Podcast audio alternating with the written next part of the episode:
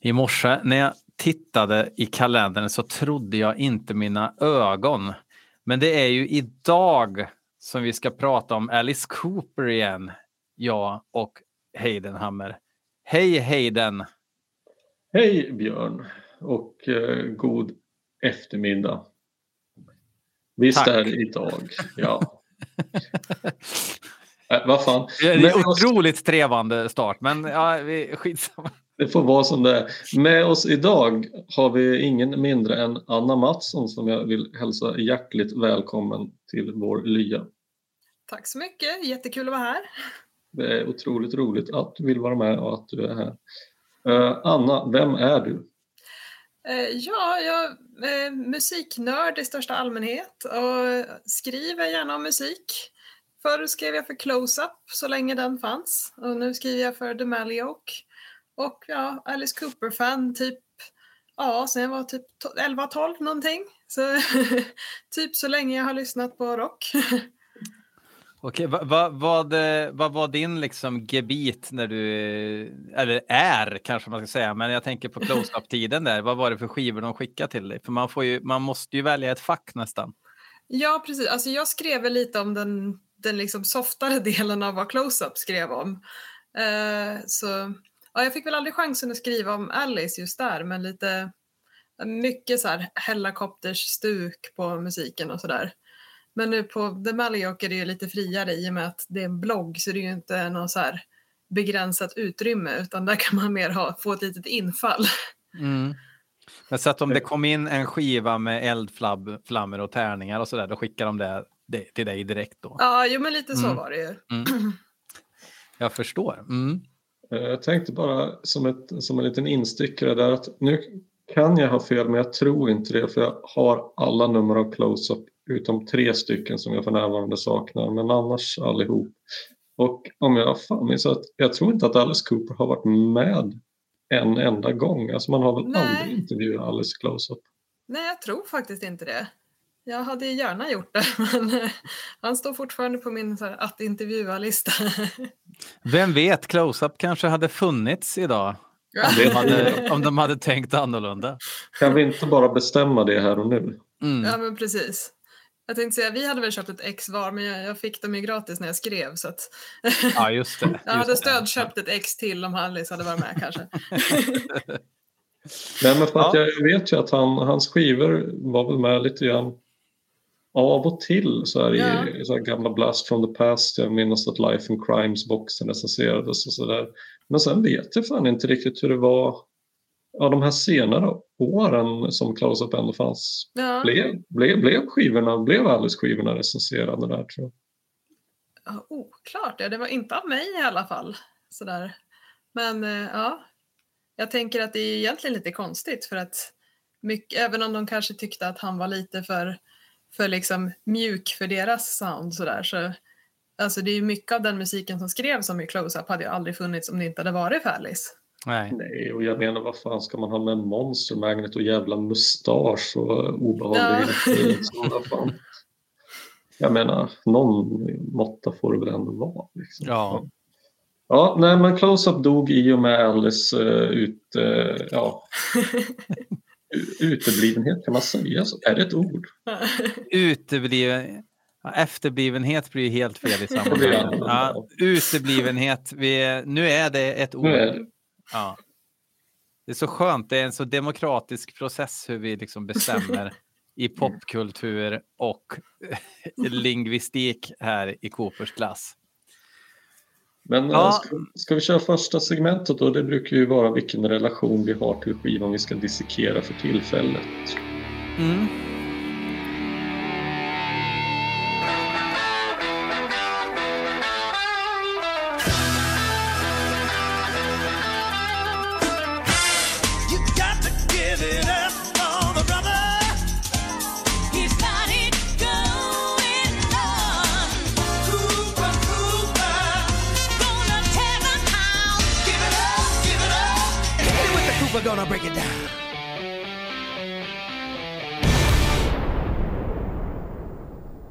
Ja, nej men som sagt så var jag väl ungefär i 12-årsåldern när jag liksom blev introducerad till Alice. Och första gången jag såg honom live så var jag väl 13 eller 14. Det var Peace and Love 2007. Eh, och efter det vart jag liksom, om jag gillade honom innan så var det liksom då jag blev helt såld och bara det här är min grej. Så då började jag liksom köpa på mig den lilla liksom backkatalogen som fanns 2007. Det var ju rätt många. så att, eh, eh, men jag kommer ihåg att jag var på någon så här CD och DVD-outlet i Borgholm eh, när jag var på semester med mina föräldrar. Och då liksom, ja, så för mina semesterpengar så köpte jag liksom massa Alice Cooper-skivor där och där var det bland annat den här då. Eh, precis. och så kommer jag ihåg att det var liksom men det var den jag fastnade på. Jag kommer inte riktigt ihåg vilka det var jag köpte med. Jag tror det var Dirty Diamonds och ja, men de som är runt omkring liksom. Men det var just den här som jag, jag fastnade för väldigt mycket då. Så att eh, det var liksom, ja, inte den första jag hörde med Alice, absolut inte, men liksom det var en av de första lite nyare som jag liksom verkligen fastnade för. Och just det här att det är livebandet på baksidan, det var lite typ samma som det var när jag såg honom och sådär. För mig har Alice alltid varit väldigt mycket live och liksom hans liveband och sådär. Så att jag tror att det är därför jag fastnade väldigt mycket för den här också. Att det är liksom Ryan Roxy, Chuck Eric, Eric Singer, Eric Dover på baksidan. Ja, jag tycker det är så jävla roligt att du säger det för att eh, du, du är nog den enda, tror jag, som jag träffat på som har som, alltså som en ja. favoritskiva. Jag har aldrig hört det tidigare så det är otroligt kul liksom, att, att så är fallet. Det, det är ju, alltså det är ju så mycket musik som man upptäcker när man, är, när man, när man börjar upptäcka musik på riktigt och band ja, på riktigt börjar följa så, så tar man ju en del. Det är ju massa skivor som jag uppskattar. Jag menar som um, Raven, The Pack is Back. Det är väl ingen mer än jag i hela världen som tycker att det är en bra skiva. Inte ens Raven själva. Raven själva. Men det är så eh, svårt att vara mm. objektiv mm. mot de här liksom, som blir ens första kontakt eller liksom ingång. Och så här. Det var, jag har försökt lyssna på den i och med det här liksom, och försöka se den objektivt. Och så här. Det är jättesvårt och speciellt produktionen tycker jag. För att Alltså det är ingenting som är bra producerat runt liksom början på 2000-talet egentligen. Nej. Men samtidigt så här, det är så här den ska låta enligt mig. Men mm. skulle jag lyssna på den första gången nu så skulle jag tycka att det var, produktionen är skit. Liksom. Mm. Mm. mm. Intressant. Um, jag har, um, alltså nu, nu är det ju som det är. Nu har jag ingen relation till den här skivan uh, heller. Det här är ju, jag var ju 2003 pratar vi. Eh, ett år som eh, jag börjar kanske upptäcka mer, vad ska man säga? Det var den här lite sliriga perioden musikaliskt överhuvudtaget. Man börjar, eller jag börjar liksom eh, kanske upptäcka Mike Patton och Ipecac Records och Melvins och sånt där liksom eh, som absolut inte var musik i nuet. Eller både och var det väl. Men, men jag, jag, jag tappade väldigt mycket och jag hade ju redan tappat Alice Cooper i och med eh, Dragon Town och Brutal Planet och allt det där. Eh, och eh, såg väl att den här skivan kom också. Om jag ens... Jo, det måste jag ha gjort. Alltså, jag, jag har inte ens ett minne av att jag gick in i en skivaffär och såg att Alice Cooper har släppt nytt. Liksom. Jag har inte ens det minnet. Men Däremot har jag ju sett katalogen, liksom, kollat discography och grejer och sett att han har släppt massa skivor, men jag har liksom bara avfärdat det. Och hade det inte varit för uh, den här uh, radio FM följetongen så hade jag kanske inte hört den än idag faktiskt. Mm. Ja, jag, jag, känner väl att det, jag tycker det känns lite bisarrt att den här plattan alltså redan är 20 år gammal. uh, ja, för mig var väl, alltså 2003 var väl kanske ett lite märkligt år. Att jag, jag var nog som mest involverad alltså i musik själv, alltså spela och skrev själv då kanske som mest. Uh, Men eh, annan musik som kom och som konsument så var det nog det var inte mycket annat än att jag tyckte att det här tidiga 2000-talet det var verkligen inte min epok. Alltså. Och, Amen eh, vill jag bara tillägga. uh, men det, det, var sista året vet jag som jag hade MTV och ZTV hemma och att jag liksom lät det rulla. Och det som hade blivit stort då uh, i mer hårdrocksväg, det, det, är ju som, det är ju efter neometal boomen och det som har blivit stort det är ju vad man kan kalla någon slags retro eller neogaragevåg med, med Hives i spetsen ska jag säga. Och det är liksom varenda jävla band skulle heta någonting på the och det är yes, the thrills, the kills, the shits, the sounds, the fucks, jag vet inte. That, the Datsuns. Ja, men, ja, varför ja. inte? Visst ja, alltså, fanns det eller hittar du bara på nu? Det fanns. Det fanns. Ja, finns. jag, jag, jag, recenserade, jag recenserade uh, skivor då för uh, eh, um, fan hette den? Street, Street Music FC tror jag den hette. Det var ett fanzin. Och då, det var liksom eh, redaktören som, eh, som jag lärde känna som var på mig. Ja, men recensera, ja, fast inte riktigt min musik, men ja, jag kan väl försöka lyssna objektivt och tycka till. Och så fick jag ju massa vinyler liksom. Och det var mycket skit som släpptes då i Hellacopters fotspår. De har ju äh, inte fått, alltså några borde man ju ställa mot väggen och jag menar. Mm.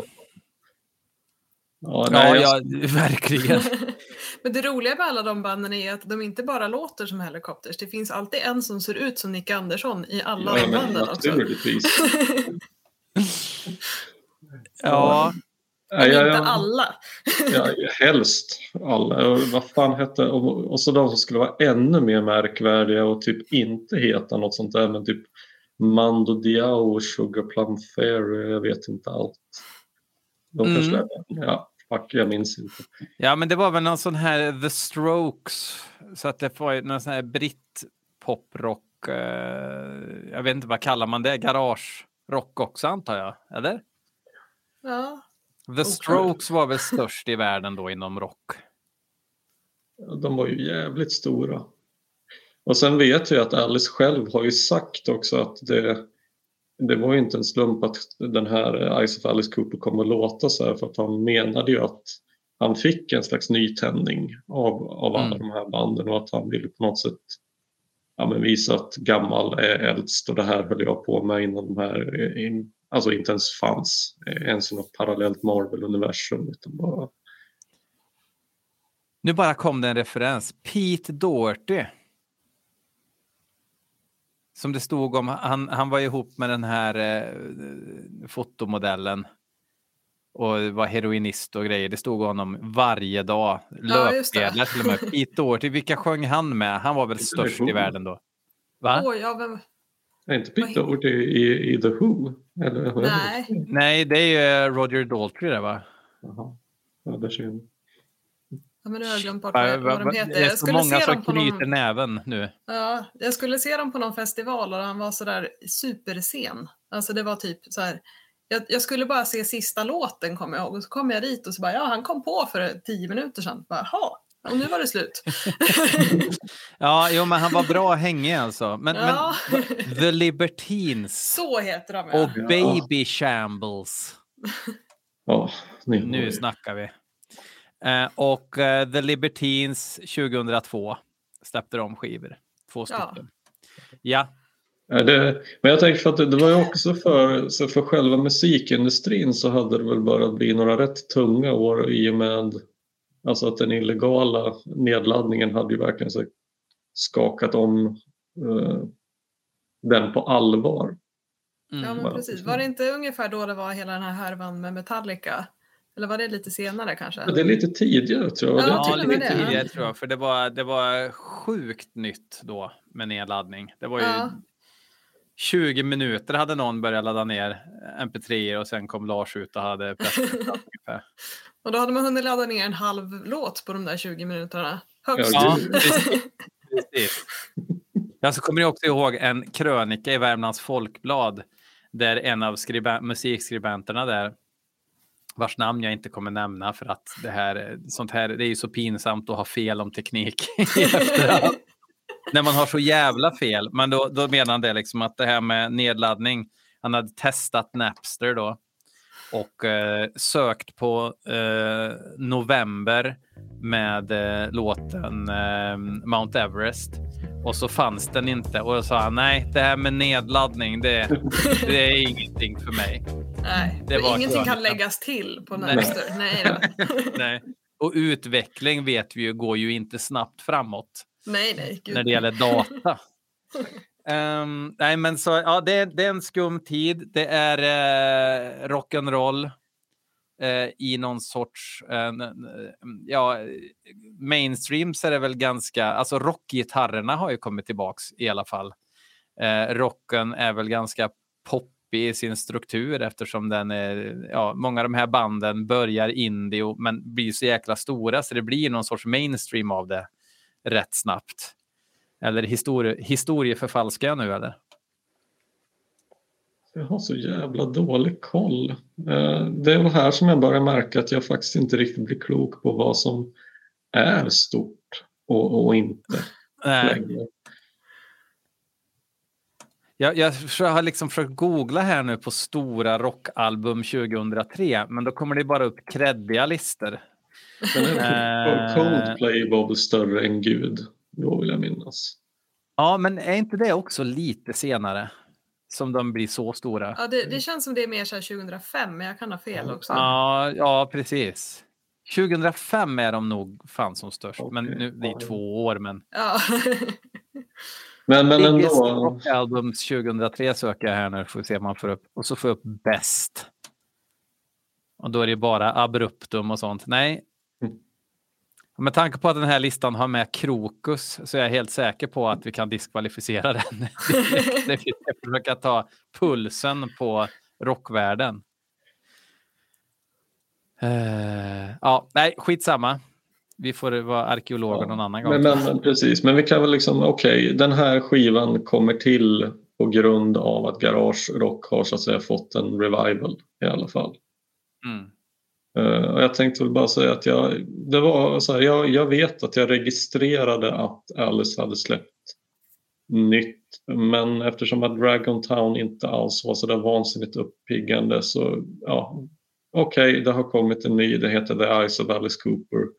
Men jag vet också att jag, jag det var, måste ha varit någon intervju eh, som jag läste, jag minns inte i van, det kan ha varit någon av de här ganska kortlivade svenska rocktidningar, typ Monster eller något sånt där som eller var det Red Hot eh, eller Chili Rock eller någonting sånt där. Det dök upp några små utmanare men som försvann ganska fort. Minnas. Men i, jag tror att det var någon av dem så var det en intervju med Alice och han menade ju att eh, när, när, de, när den här skivan gjordes så skulle man gå väldigt annorlunda tillväga. Alltså att, att en låt skulle skrivas eh, samma dag som den repades in och sen så på ännu bara några timmar senare samma dag så, så skulle den spelas in och då var den liksom klart att det skulle inte få göras något efterarbete utan det skulle vara så purfärsk som det bara kunde vara. Och jag vet att jag kände liksom jag vet inte, det, det var någonting i den där approachen som kändes lite fel för mig i alla fall. Mm. Men jag kanske är helt ensam om det. Nej, men eh, det ligger något i det du säger. Alltså, eh, Alice Coopers signum har ju varit, liksom, när han har varit som bäst historiskt, att det har varit extremt ambitiöst. Ja. Och eh, liksom väl komponerat med producenter som har haft en stor roll och så där. Inte bara riffa lite och in i studion. Nej, jag tänker att även, för det, för det blir ju jag tyckte att det luktade, nu ska jag vara riktigt liksom grinig här. uh, nej men att jag tyckte att det kändes lite, det luktade lite historieförfalskning över det hela. Mm. Mm. Han menade att nej, men nu ska vi tillbaka till rötterna och vi var liksom tillsammans med Stooges och Iggy så var vi, vi först med Garage Rock och då gjorde vi på det här viset. Men saken är att så gjorde ni ju inte alls. Alltså när nej. man läser biografier och intervjuer så var det ju precis tvärtom. Att ni, satt ju, ni, ni nötte ju låtarna liksom i tid och evighet och bättrade mm. på dem och, eh, och arrangerade om dem i studion. Och liksom så här. så att det, det stämmer ju inte. Det är ju faktiskt ett påhitt. Plus att det går att diskutera om Alice Cooper var ett garagerockband överhuvudtaget. Ja, verkligen. Det, det känns, jag skulle inte kalla honom för det, men jag vet ju inte vad han kallades för liksom på den tiden han säger att han har det. Liksom. Nej. nej men på den han, nej men då är det ju, eh, alltså först så är det ju psykedeliskt i och med debuten mm. Pretty for you och Easy Action och sen är det teatralskt men okej okay, med vissa garagedrag, alltså visst det finns ja. ju där lite grann på Eh, på Killer-skivan och lite grann på, på Love It To Death och sådär. Men, men de låtarna är ju betydligt färre än de mer elaborerade. Ja, mm. men verkligen. Alltså det, det är det här klassiska tillbaks till rötterna snacket liksom. Can you state categorically... You are fake news. Sir, Go ahead. can you state categorically that nobody... Men det är ju inga rötter. Nej, Nej exakt. Men, det, det men det, det, är ju ofta så det blir också när gamla hårdrocksgiganter ska säga nu går vi tillbaks till rötterna. Men sen är ju också frågan vems rötter liksom för att det är ju det är ju Alice namn på skivan men det är ju liksom bandmedlemmarna har ju varit med och skrivit så himla mycket och ju, mm. jag som lyssnar väldigt mycket på liksom alla Ryan Roxys projekt, liksom Casablanca, Roxy 77, jag hör ju så otroligt mycket av hans musicerande i det liksom. Mm. Så jag kan tänka mig att det kanske är tillbaka till rötterna för honom eller Chuck eller liksom någon av de andra men inte så mycket för Alice. Nej. Hur låter det? Jag, jag är så okunnig om de band och projekt som du räknade upp där. Kan, kan du säga någonting om, om dem så vi vet vad det är för referensramar vi har? Ja, men alltså, jag hör ju mycket glamrock i, i vad han, alltså klassisk glamrock, T-Rex, Sweet, lite sånt men med lite hårdare twist kanske och sådär.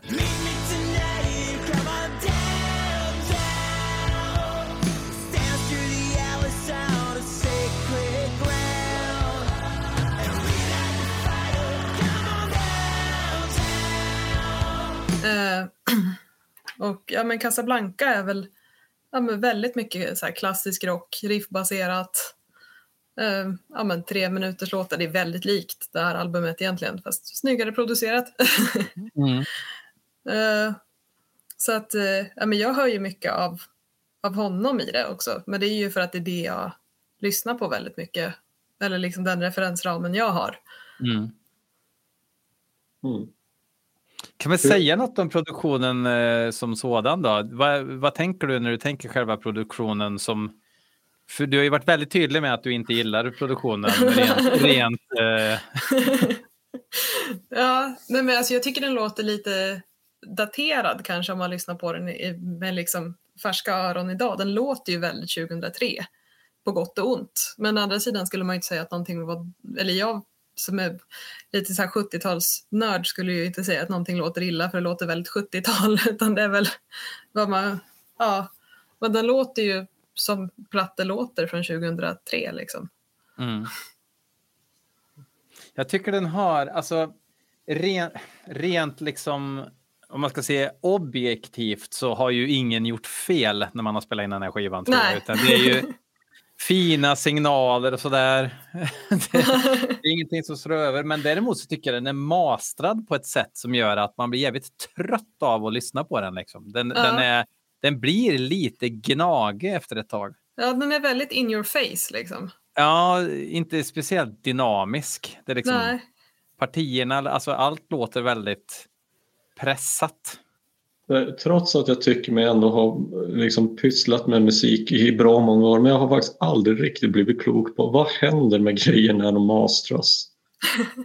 Det är alltså egentligen så är ju en mastering att du ska få en skiva att funka på ett format. Alltså om du har eh, för, mycket, för höga diskant eller basfrekvenser till exempel på en LP-skiva så kommer, in, då kommer nålen hoppa liksom för att eh, det blir för Ehm, vad ska man säga, ytliga spår som gör att det inte går att lyssna och det kommer låta illa också innan nålen hoppar. Så långt innan dess så börjar det även låta lite att diskanten distar och sådana här saker och även basen. Um, Så på många sätt så har ju CDn har ju inte det problemet egentligen, för där kan du ju pressa ganska mycket innan det börjar dista. Uh, problemet är bara att det ville man verkligen göra eh, förr. Det har man slutat ganska mycket med nu, men nu pressar man ihop det istället så att det blir så odynamiskt som möjligt för att det ska låta så högt som möjligt. Så det är därför väldigt mycket musik. Till exempel, eh, ett bra exempel är ju att till exempel lyssna på äldre CD-skivor i bilen när motorn är på. Eh, en gång så eh, hade jag Use Your Illusion 2 med Guns N' Roses i stereon, var ute och åkte och så glömde jag bort att jag hade musik på i början av låten Estranged som är någon två minuter med bara piano och sång. Sen kommer trummorna in. Du, dun, dun,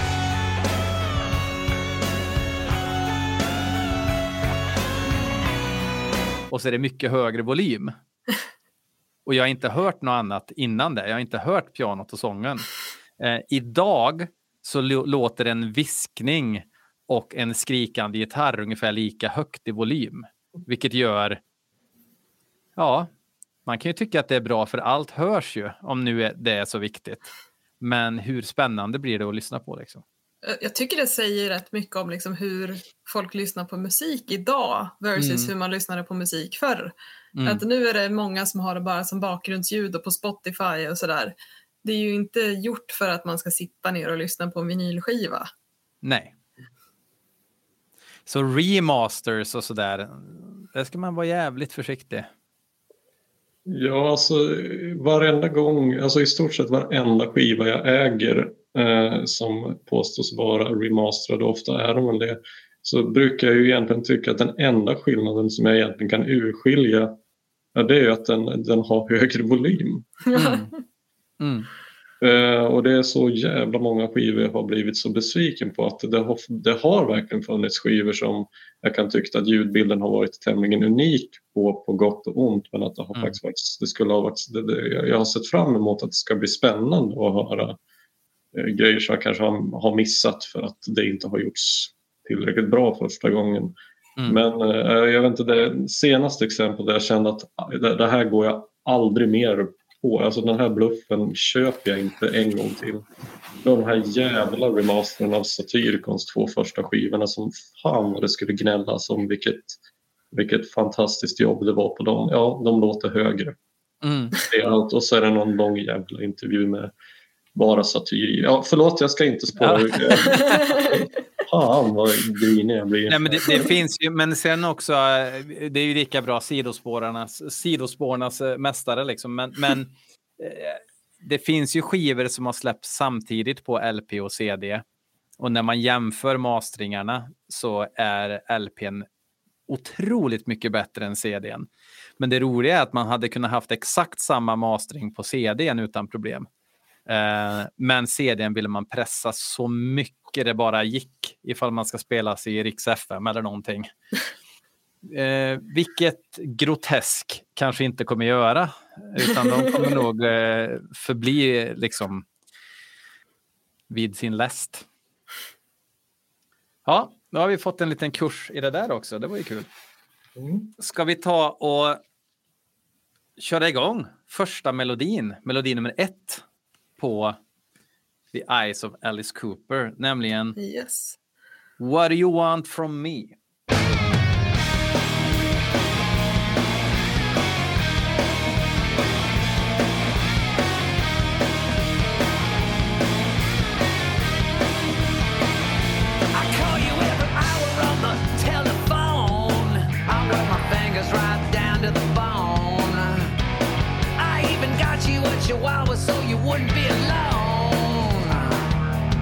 You a trailer about the size of Maine. Bought a mile of interstate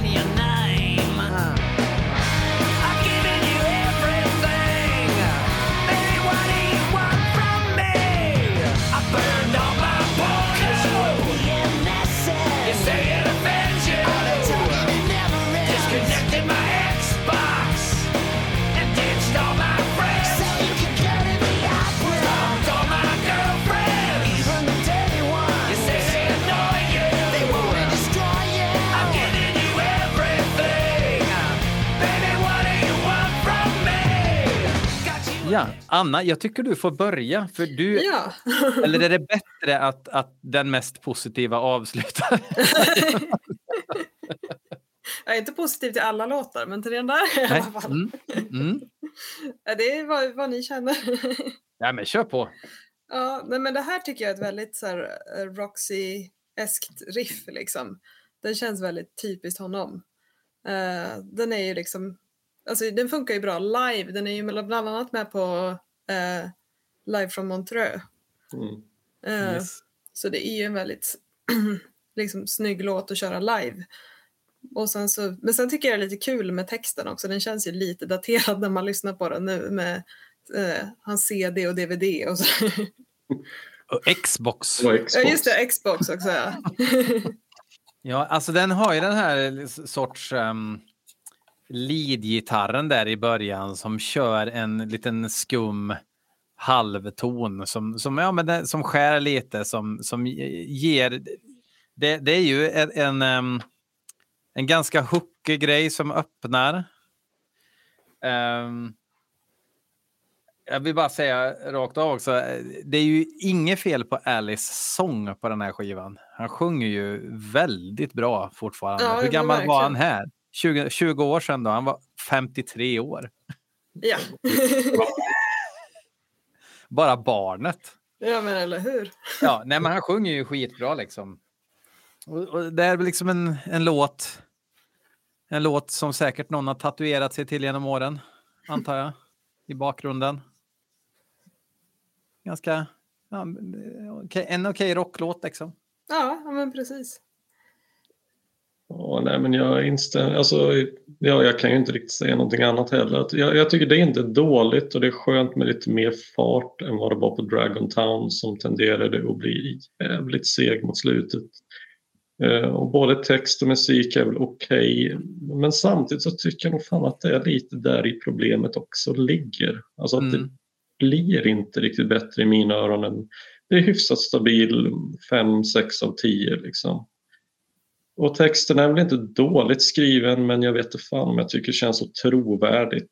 Och det är liksom när, när Alice sjunger om att knulla lika men då känns det så pass långt från sanningen att det blir Ja. komiskt. Men men Mm. jag ska vara tonåring på nytt och låtsas gnälla om kackig relation och koppla loss Xbox. Ja, men jag har lite Ja. svårt att köpa det. ändå.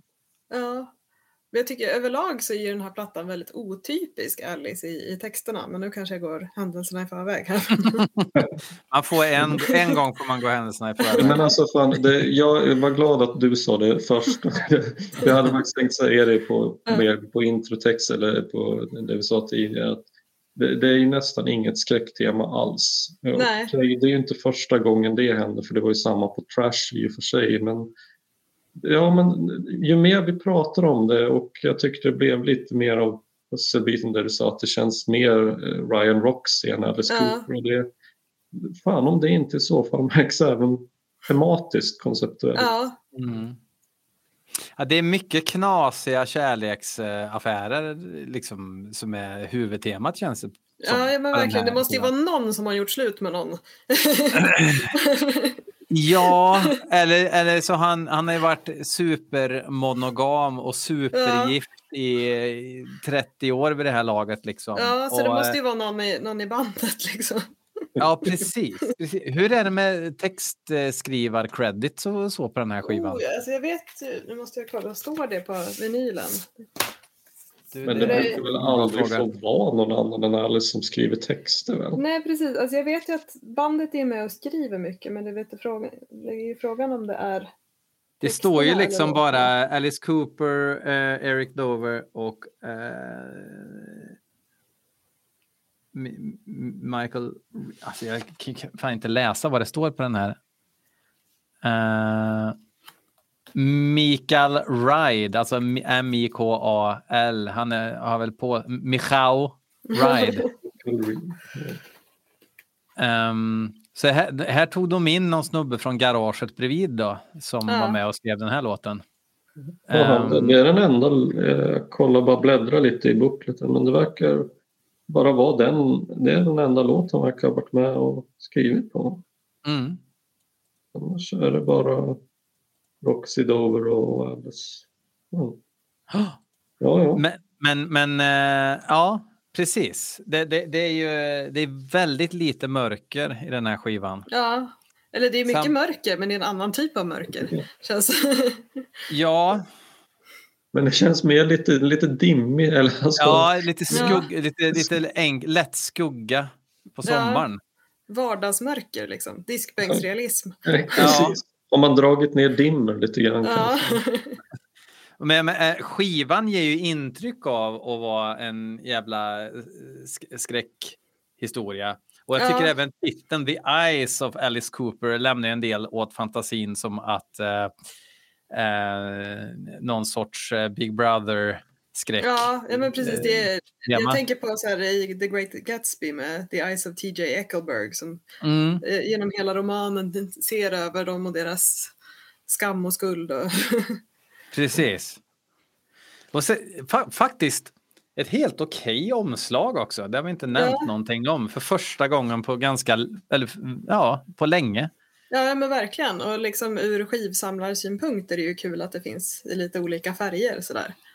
Ja, just det. Precis. Uh, melodi nummer två. Between High School and Old School.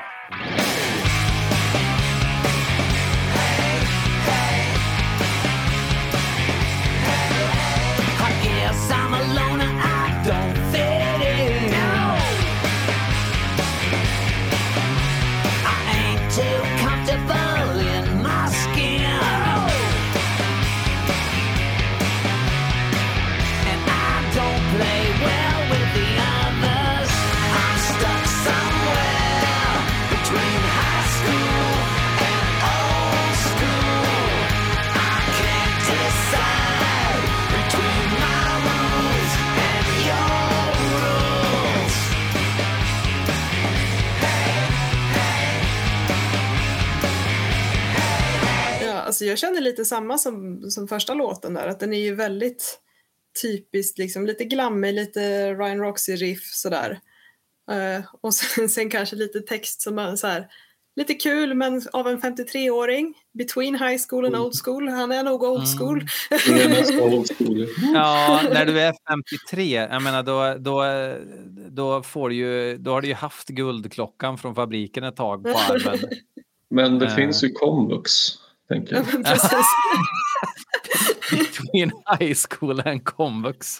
Det hade varit en eh, hårdare titel. Det är en väldigt, alltså det, den här låten eh, kommer man ju ihåg verkligen. Ja. Um, sen, från första gången jag hörde den, vilket var eh, i alla fall ett, ett, ett ja, men jag hörde ju den på Montreux-liven. Ja. Um, och man kommer ju ihåg den här låten ju, i alla fall jag. Ja, den är ju väldigt liksom äh, hittig på något sätt. Mm. Tycker jag.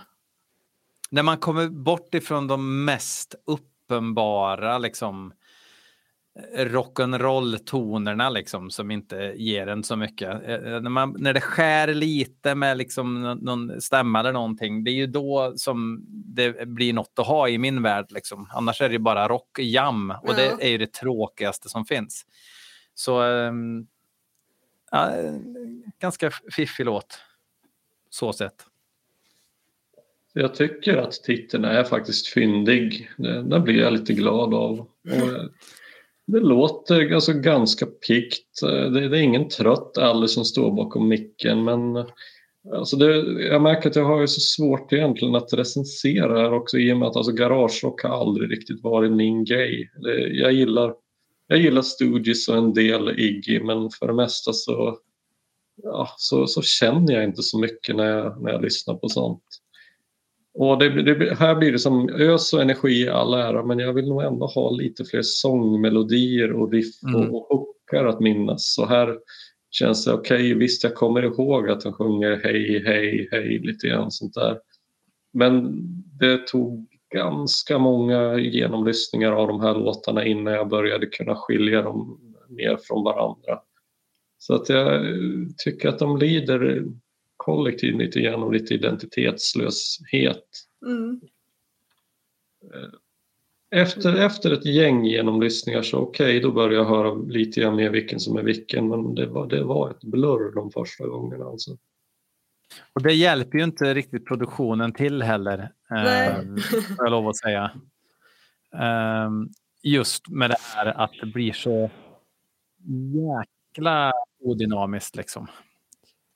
Um, men så, så, jag, jag har, alltså, det här är ju, det finns ju värre eror i musikproduktionshistorien än det här. Jag skulle nog påstå att 2023 eh, är bland det värsta vi har sett hittills. Och jag vet inte om något tyder på att det kommer vända, men, men eh, de hade ju kunnat gjort den här inspelningen och bara mastrat den annorlunda tror jag, så hade den varit roligare att lyssna på. Ja men precis. Och sen tror jag också att det, det har att göra med att det liksom är en ganska otypisk Alice-platta. Liksom. Att det är mer naturlig dynamik kanske i en mer skräcktema Alice-platta mm. än vad det är i den här som är lite mer traditionell rock'n'roll-platta utan att vara speciellt mycket Alice Cooper. Mm. Och det är ju ingen liksom nickning åt The Last Temptation som jag ser det ganska, skrivas ganska mycket. Jag tycker det, det, är, det är idétorka tycker jag som skribent och nämna den som någon sorts referens. För jag kan förstå att man säger det. Jag kan förstå att man säger det, men det är inte genomtänkt. Jag kan inte för mitt liv. Alltså, då är det ett jävla halmstrå man griper efter. ja, ja. Men däremot är det en, det är en låt på den här skivan som jag faktiskt har gjort en liten anteckning om som jag faktiskt tycker påminner lite grann om någonting från Last Temptation men inga händelser i förväg så att vi kommer väl dit. nej, nej. Ska vi ta låt nummer tre istället? Ja. Man of the year.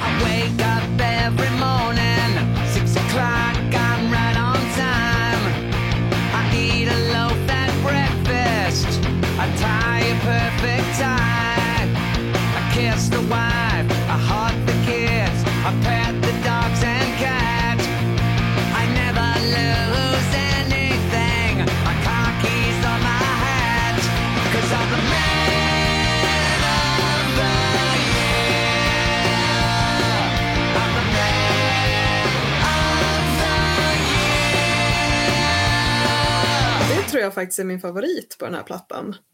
Även om den är väldigt men, otypisk för att vara Alice. Men jag, jag gillar texten. Jag tycker att den är nästan lite i framkant. Liksom. Jag tycker mer den kanske handlar om dagens influencersamhälle och bara visa den fina sidan av sig själv och inte mörkret där bakom. Liksom. För här kommer vi verkligen in på det här mörkret som kanske inte är den traditionella skräcken men ändå är väldigt mm. mörk. Ah, Okej, okay. det blir så här inverterat mörker liksom. Att man, ja, att, att, att, man anspelar på eh, att det finns ett mörker som man inte visar snarare än... Ja, precis. Det är ju ja. ingen sån här skräck så, men den, jag vet inte, berättarjaget i den här låten är ju liksom inte speciellt välmående och glad. Men, fan, men är, han har ju skrivit liknande saker tidigare och dels så tänker jag på Model Citizen från Flush the Fashion som har ett lite liknande upplägg. Men det är fan med någon ifrån Brutal Planet och Dragon Town som ligger i bakhuvudet också men jag kommer inte riktigt på vilken. Oj, vilken kan det vara? Ja, jag tänker annars på I Never Cry också. Ja, ja, ja, ja absolut, det är sant. Visst. Mm. Du får fundera lite. Jag eh, eh, mår inte bra av den här låten. men visst är det kul att man kan tycka olika. Ja. uh, nej, men här, det här är liksom se något, något Dude Bro-program på MTV från tiden. Där Bam Margera springer omkring och gör Ollie Flips och slår i huvudet i, i, i stuprännor och skit. Liksom. Sånt ser jag framför mig. Det är liksom någon sorts ja, men dude bro eh, musik liksom i, i, i, mitt huvud. Alltså inte musik, men alltså jag får såna vibbar av det på något vis. Det är den MTV jag växte upp med. ja, ja, ja, precis. Och jag förstår det. Jag förstår det. Um, det, det, är liksom inte Mark Knopfler-videos du tänker på, utan du tänker på Am. Ja. Ja, nej, jag, jag mår lite dåligt av den här faktiskt. Men, men ähm, ja. Jag pendlar lite grann. Att jag har märkt att jag, jag har suttit och nickat med när den här låten rullat i bakgrunden vid några tillfällen. Och det var inte en sträckning då bara? Att du... Nej, men nu tycker jag du är fan vad du kommer om. Ja, men alltså, jag tycker inte alls att den är helt oäven. Jag kan också tycka att den är en av de bättre på skivan. Uh, men tempot i gitarrtuggandet, ja, jag vet inte om det, det för mig passar inte riktigt med Alice. Så det, jag tror alltså Anna att du kraschade någon illusion eller någon spegel. Alltså, klirr där när du sa det där med, med Roxy, att det är mer där. Eh, men den här låten tycker jag i och för sig låter mer, det är lite mer college-rock än det är Stooges. Mm. Och eh, sen har jag i anteckningar skrivit också, jag lite grann på vrången att så här, daterade skivor, men visst Constrictor och Razor Fist and Yell, jag menar, det var, de var ju 80-tal och så blev ju de där daterade. Men det bästa sättet jag känner att jag kan beskriva min känsla själv här att de 80-talet hade färg och det här känns mer grått för mig i jämförelse. Och jag vet inte om det är för att eh, omslaget är grått och det ser ut som det är. Eh, men det, jag, jag, på något sätt så får jag inte riktigt den här energikicken som jag skulle önska att jag fick. Det skulle behövas någonting mer. Men som sagt, jag, jag, jag pendlar skitmycket. Ibland tycker jag faktiskt liksom jag sitter det här är, är ju bra och andra gånger så tycker jag inte. Jag, jag, jag, tänker liksom, det är någonting, det är någonting med, med sången som han liksom väljer. Hade han liksom rytit till lite mer liksom i refrängen. Men, men det passar ju, alltså text, han ska ju låta lite vän tror jag eftersom han är ju man of the year. Liksom. Alltså jag ja. tror att det, att det hör ihop, att han, att han använder ett uttryck i sin sång som ska limma med, med vad han ska ge sken av då liksom, i den här. Um, och sen med, med sångstämmorna liksom som känns Blink 182 stämma där i bakgrunden Ja, då är vi så långt ifrån Björntown vi kan komma, känner jag. Eh, det är som så ofta liksom att det är skruden här som, som inte limmar med mig. Ja, det är ju inte speciellt mycket Alice, liksom, både över hur han sjunger och liksom, texten eller någonting. Det är egentligen det är en rocklåt som sjungs av Alice Cooper, men det känns inte så mycket som en Alice Cooper-låt. Liksom. Nej. Eh, jag kommer ihåg när jag var och såg eh, Lost Angels som är lite så här supergrupp med eh, bland annat Eric Dover och Ryan Roxy då. Mm. Som spelade i Stockholm. Sen är det trummisen från White Lion och ja, nu har jag glömt bort vilka det var med. Men de körde i alla fall den här när de spelade i Stockholm och jag blev skitglad eftersom jag tycker väldigt mycket om låten. Men det var okay. å andra sidan ingen skillnad från liksom så här, alltså jag tänkte ju inte på att Alice inte var där. Liksom. Nej, Nej. Utan det var så här, åh, de kör den här låten och det är de som har gjort den liksom. Men ja, det spelar ingen roll att han som är på omslaget och på titeln på omslaget inte var där liksom.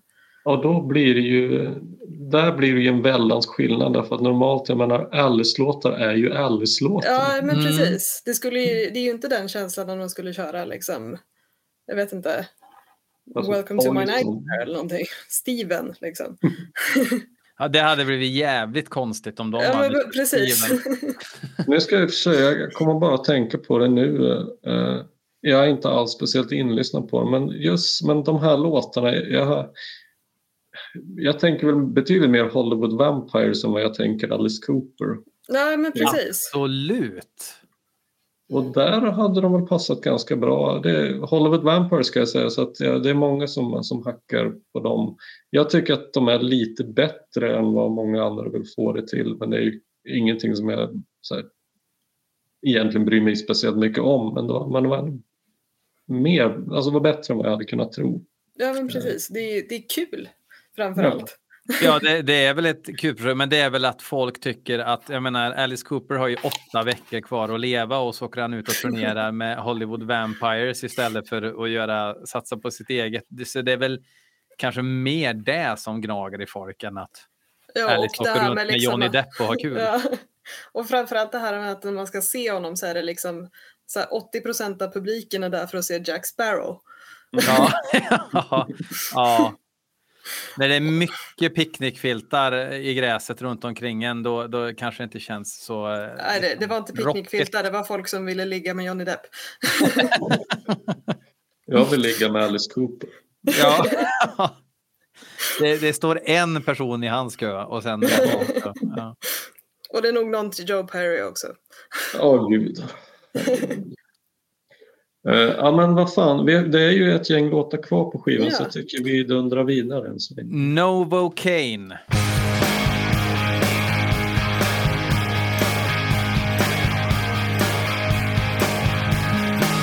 When I was 10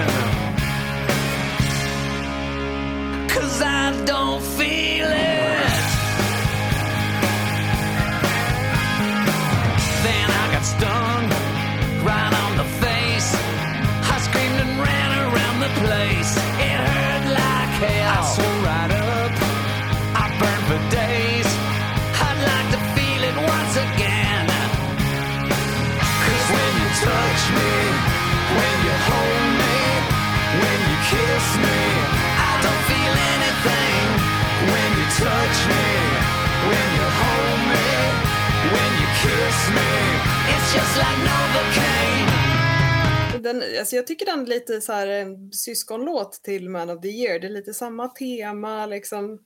det är lite samma känsla. Så där, jag föredrar Man of the Year, så jag tycker Novocaine är lite mer anonym, men det kanske är någon som tycker annorlunda. Jag tycker nog precis tvärtom. Mm. Nej, men det är lustigt också, på tal om, alltså, jag tänkte Flush the Fashion, så där finns det en låt som heter Aspirin Damage. Ja, just det. Att det är ju inte första gången som eh, sådana här eh, medel, smärtlindrande medel nämns. Annars är väl kanske ämnet inte detsamma, för det här är ju en kärlekslåt. Men alltså jag gillar att eh, tempot är lite långsammare än på de tre första spåren och lite extra krydda med orgel och lite Guns N' Roses-land, li, lite gammal 70-tals Cooper. Så att för mig är det här nog faktiskt hittills den bästa låten, tror jag. Ja. Jag har, jag har liksom försökt eh, hitta ord för vad det här är. Liksom. För inledningsvis så får jag nästan lite så här till och med 60-talsvibbar av eh, så här, lite Beatles-frasering på ackorden. Um, och sen kommer sången och ja, men det är en tydlig, bra melodi, liksom ganska hookig i sig. Och sen tycker jag refrängen, vad är, vad är det man tänker på? Alltså vad är det för musik egentligen? Jag har också jättesvårt att kategorisera just den här låten. Har jag liksom minst anteckningar av alla tror jag. Ja, alltså det är någon sorts... Um, ja, och, och, jag vet inte ens om jag tycker att det är bra eller dåligt. Liksom. Jag, jag blir bara perplex när jag hör den. Uh, men, men det är ja, inget mästerverk, är det ju inte. Men den, är inte, den gör inte skivan sämre på något sätt, för den bryter av uh, en del. Och, och just att man kommer ifrån det här rock inom citationstecken. Liksom. Man kommer ifrån det här typiska rocken lite grann. Ja, men ska vi bara gå vidare då? Ja. ja. ja. Apropå att bryta av så gör ju Bye Bye Baby verkligen det tycker jag. Med blåsorkester och allt vad det är. Could never tell. Got something drastic on your mind. I can smell the smell. Honey, what's your trip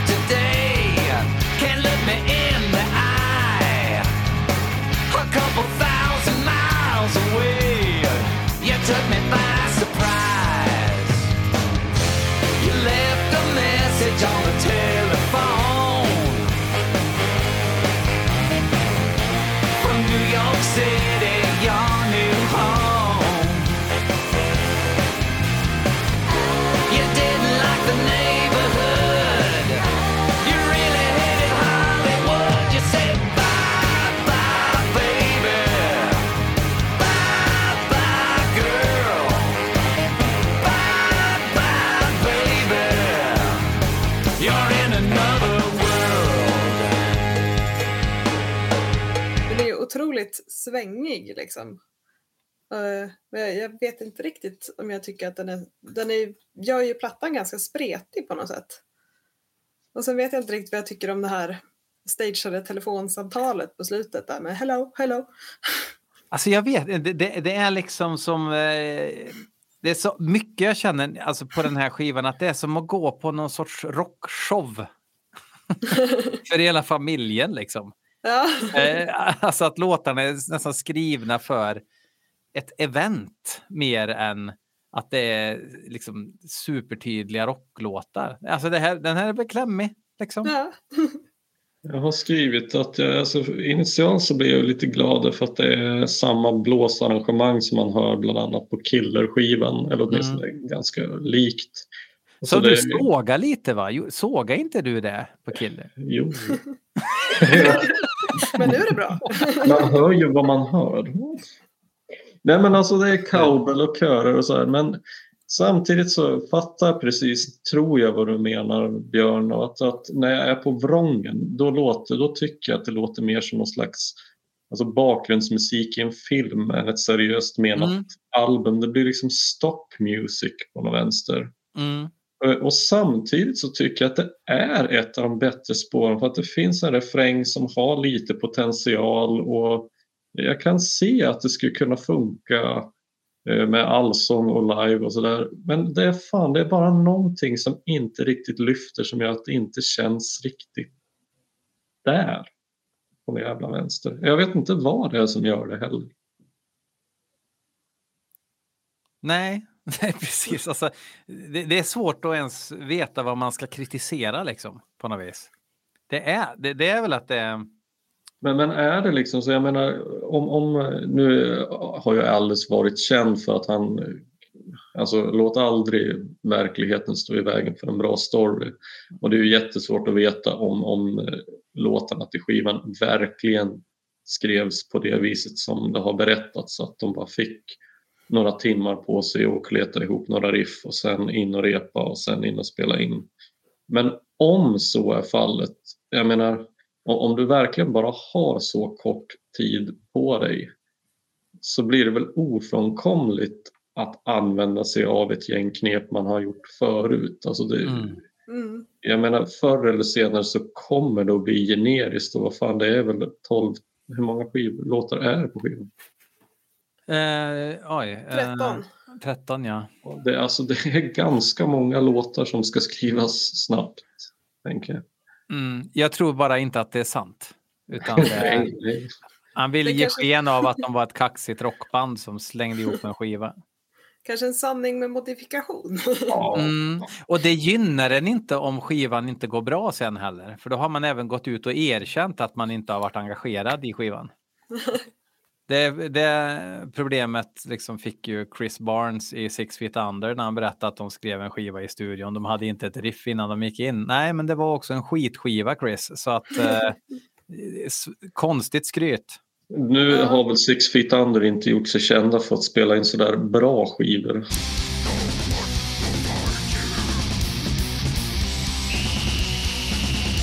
Exakt. Eh, men Graveyard utan... Classics 1 till tusen. Utan The Eyes of Alice Cooper, inget Six Feet Under. Nej. Vilket inte stämmer rent kronologiskt, men det... det men det gör det ändå. ja, nej men vars är vi någonstans nu då, efter Bye Bye Baby? Nu blir det Be With You A While. Nu drar vi ner tempot, sänker det här dimmiga ljuset lite grann ytterligare en gång, som vi pratade om förut. I wish I could tell you something you didn't know. I wish I could give you something you didn't own. I wish I could tell you a joke to make you smile. And I could be with you a while. Just wanna be that someone you weren't looking for. Some nameless fascination that showed up at your door. And when you're sad and blue, my jokes still make you smile.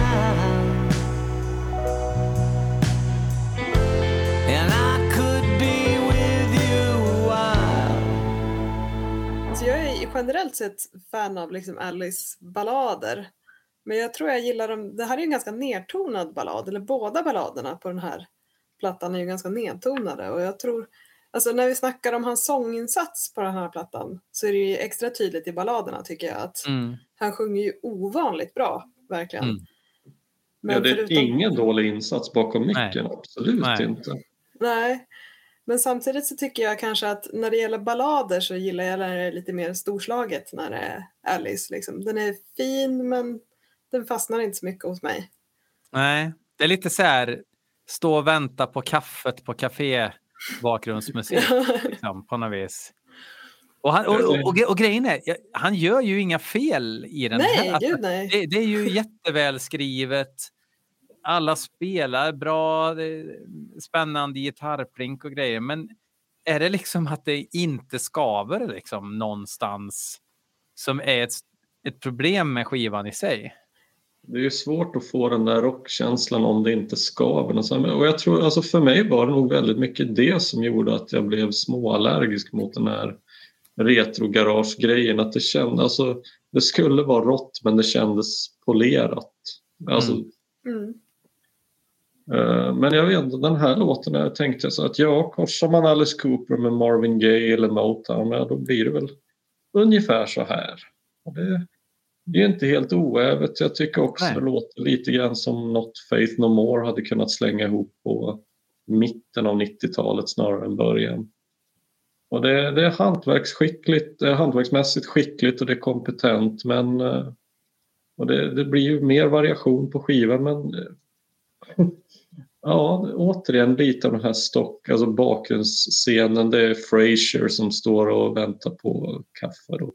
Nej, vänta, inte inte Ta någon annan serie.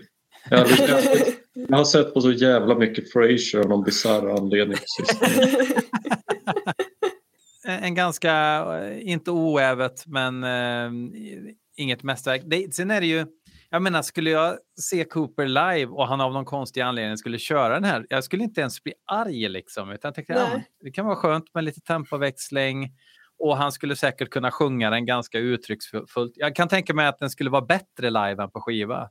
Ja, vilket, jag, vilket jag tror mycket på den här skivan. Ja, ja men verkligen. Och liksom nästa låt, Detroit City, skulle jag verkligen vilja se live. Den tror jag skulle göra sig riktigt bra. Och speciellt om man skulle se honom i Detroit kanske. it with Z.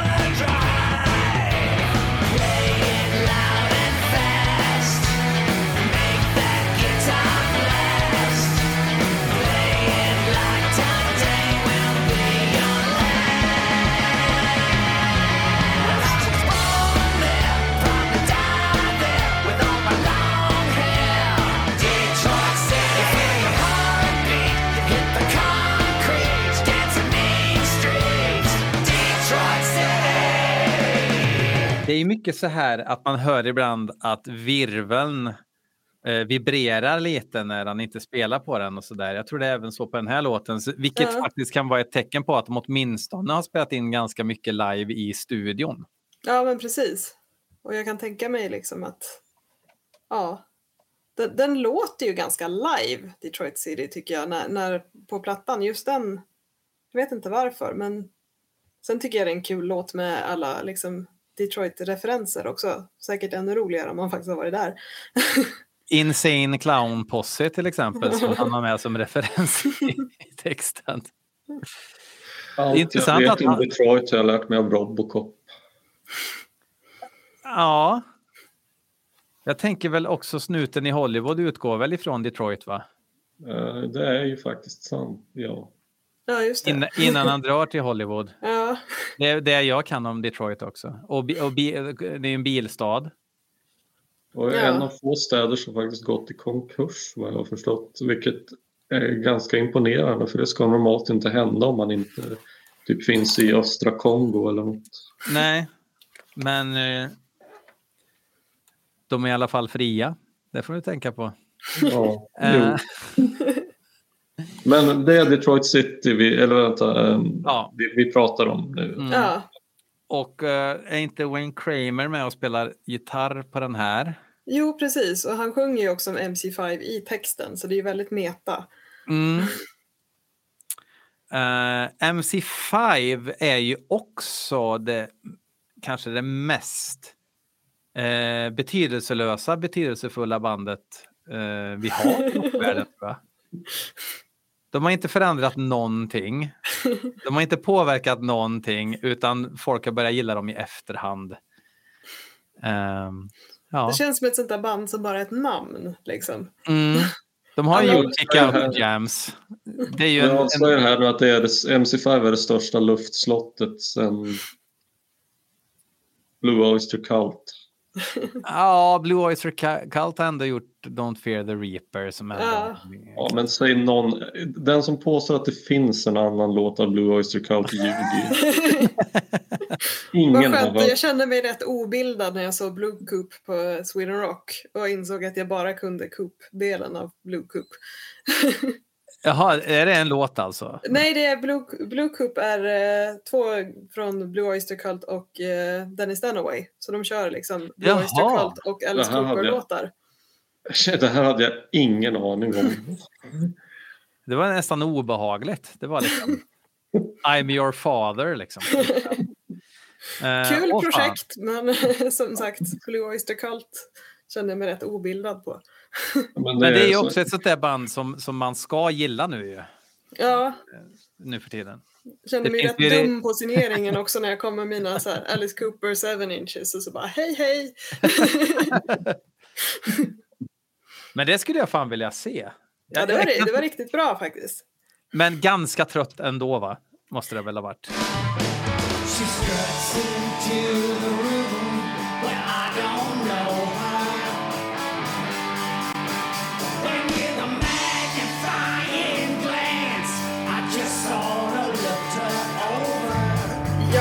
Alltså. Jag tycker de, som sagt, jag är inte tillräckligt bildad för, på Blue Oyster Cult för att kanske uppskatta. eh, Men det är det ingen som är. Därför att de, jag tror inte ens att Blue Oyster Cult har funnits. Det är ett tröjtryck bara. Ja, men det är, det är ett band som sattes ihop efter den där Saturday Night Live-sketchen om cowbell. Och så Ja. gjorde det som Spinal Tap, släng ihop men upp med gitarrerna på ma- magen bara. Så. Det- Alltså det är så bara härligt och bara, man bara hör tarmsystemen hos så många lyssnare som bara bubblar nu av ilska eh, när man säger sådana här saker.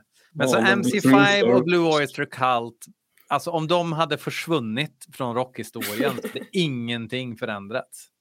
Förutom att in? Dunaway hade kört soloshower istället. Ja, precis. Det hade jag sett. Alltså, en och en halv timme med Dennis Dunaway som lirar bas. Ja, själv. Själv ja. Han hade ju Ja. kunnat haft den där signeringen själv. För han, hans, Ja, vet, hans autograf är ju så snygg. Den är ju liksom så himla regelbunden och så här, jag har alltid varit imponerad av det. Sen insåg jag att det är för att han skriver så otroligt långsamt. Så man såg ju vakterna på den här signeringen höll ju på att få krupp. Bara, Skynda er! Ja, det är inte jag, det är han. Ja, men fan vad coolt. Jag blir lite avis på det här nu, måste jag erkänna. Det hade varit kul att se eh, liksom, i ett helt annat sorts sammanhang. Liksom. ja, men verkligen. Och liten scen också. Det var ju liksom på typ näst minsta scenen på Sweden Rock.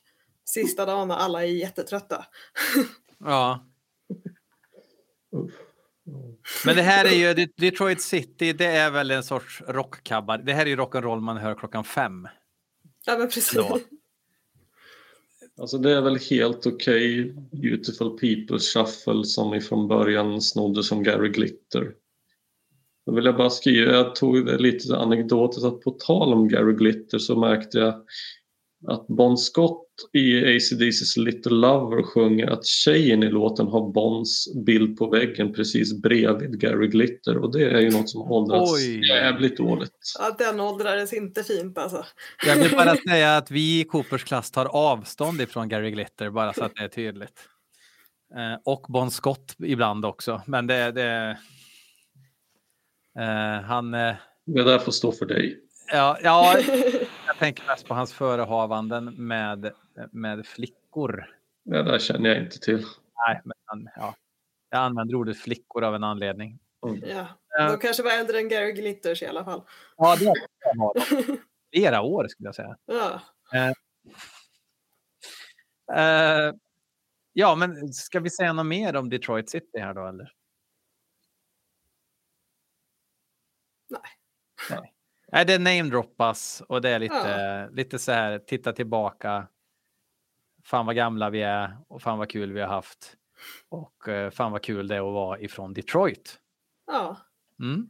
Spirits Rebellious.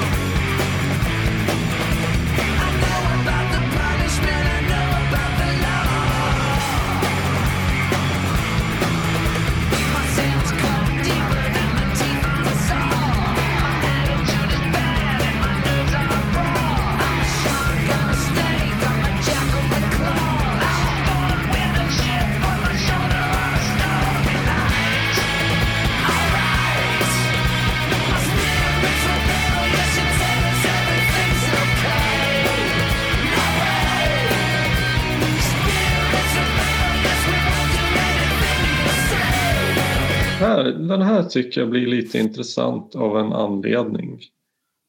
Eh, och det, eh, den här låten tror jag med stor sannolikhet eh, skjuter hål på den här utsagan om att alla låtar skulle spelats in direkt. Därför att eh, mellan Last Temptation och Brutal Planet-skivorna så skrotades nämligen planer på en hel fullängdare med namnet Spirits Rebellious. Ah, det visste inte jag. Nej, det står Mm. liksom med i en, kort i den här eh, Thompson-boken. Men så man kan ju anta att låten kommer därifrån. Och jag- det är den här som jag faktiskt tycker låter som att den hade passat ganska bra på Last Temptation. För att jag tycker den här låten sticker ut väldigt mycket från resten. Kan det inte bara vara så att det är en bra titel då? Så han använder den. Ja. Men den, den låter ju inte som de andra låtarna på skivan. Det är ju Nej. mer, här är det ju ett gitarriff liksom. Och men kanske inte det allra bästa gitarriffet jag har hört, men det är ju ett tydligt gitarrbaserat riff. Men håller känns ju- den. Ja. Den känns ju hårdare än de andra. Den är ju mer liksom metal-Alice än vad de andra är. Absolut. Lite mer men nästan Kane Roberts-aktig. Mm. Verkligen. Ja, det är ju till och med lite så här palm mute eh, riffande i den liksom. Men är, Eh, är det då bra att ha med en sån här låt som sticker av på det viset eller gör du soppan bara ännu konstigare? Alltså jag har svårt att, det, det är det liksom, jag tycker det finns jättemånga bra låtar på den här plattan. Sen är ju frågan om de ska vara på samma platta eller inte. Mm. Fast jag tycker inte att den, att den stör på så vis. Det är ändå en ganska samma attityd i refrängen som de andra låtarna kanske. Det är sant. Han rappar ju inte liksom i alla fall. Nej, Nej, det skulle hade ju varit skumt. Utan att gå händelser i förväg. Ja, ja men okej, en udda fågel då. Är väl sammanfattningen på den här. Ja, En udda, men den kvittrar ju inte i allt för annan takt heller, tänker jag. Nej, Alltså, nej. Och däremot så kan man väl kanske fråga sig att ja, om det är 13 låtar på skivan, dels ja, men som, vi har konstat, som vi båda brukar säga att det är väl få av oss som önskat att skivor ska vara längre än vad de är men eh, om man skulle ha börjat kapa lite grann så tycker jag väl jag vet inte riktigt 13 låtar tycker jag är alldeles för, alldeles för många och Mm. ja, men den stör, jag, jag vet inte, fan jag kan inte säga om jag tycker den är onödig eller inte heller. Liksom. Men, men jag tror inte jag skulle ta med den här på någon, något av mina privata blandband. Så bra är den inte. jag. De mer offentliga blandbanden då? Skulle De jag emot. de som du ställer ut? Mm. Eh, nej, men, nej, men det, det, som jag kan, det som jag kan tycka är positivt att den här är med kanske istället för någon annan, det är ju att den i alla fall är lite mer dramatisk i, i, sin, eh, i, sin, liksom, i sitt framförande. Det finns en, någon, for, någon form av desperation Mm. och inte bara rockös. Liksom. Den känns ju mer typiskt Alice. Mm. Ja, det gör den. Och Eh. apropå det, ska vi gå vidare till nästa låt? Ja, This House is Haunted. I was sitting in my room, dark and grey and crying. Someone in my life I fear was at the point of dying. A cold wind blew right up my spine. It was the break of dawn. A little voice way deep inside told me she was gone. Ah, this house is haunted.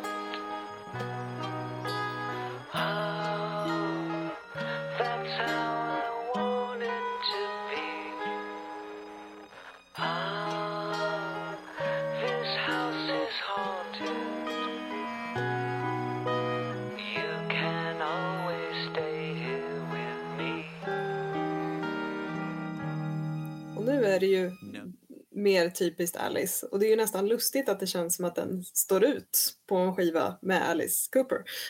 Mm. Mm.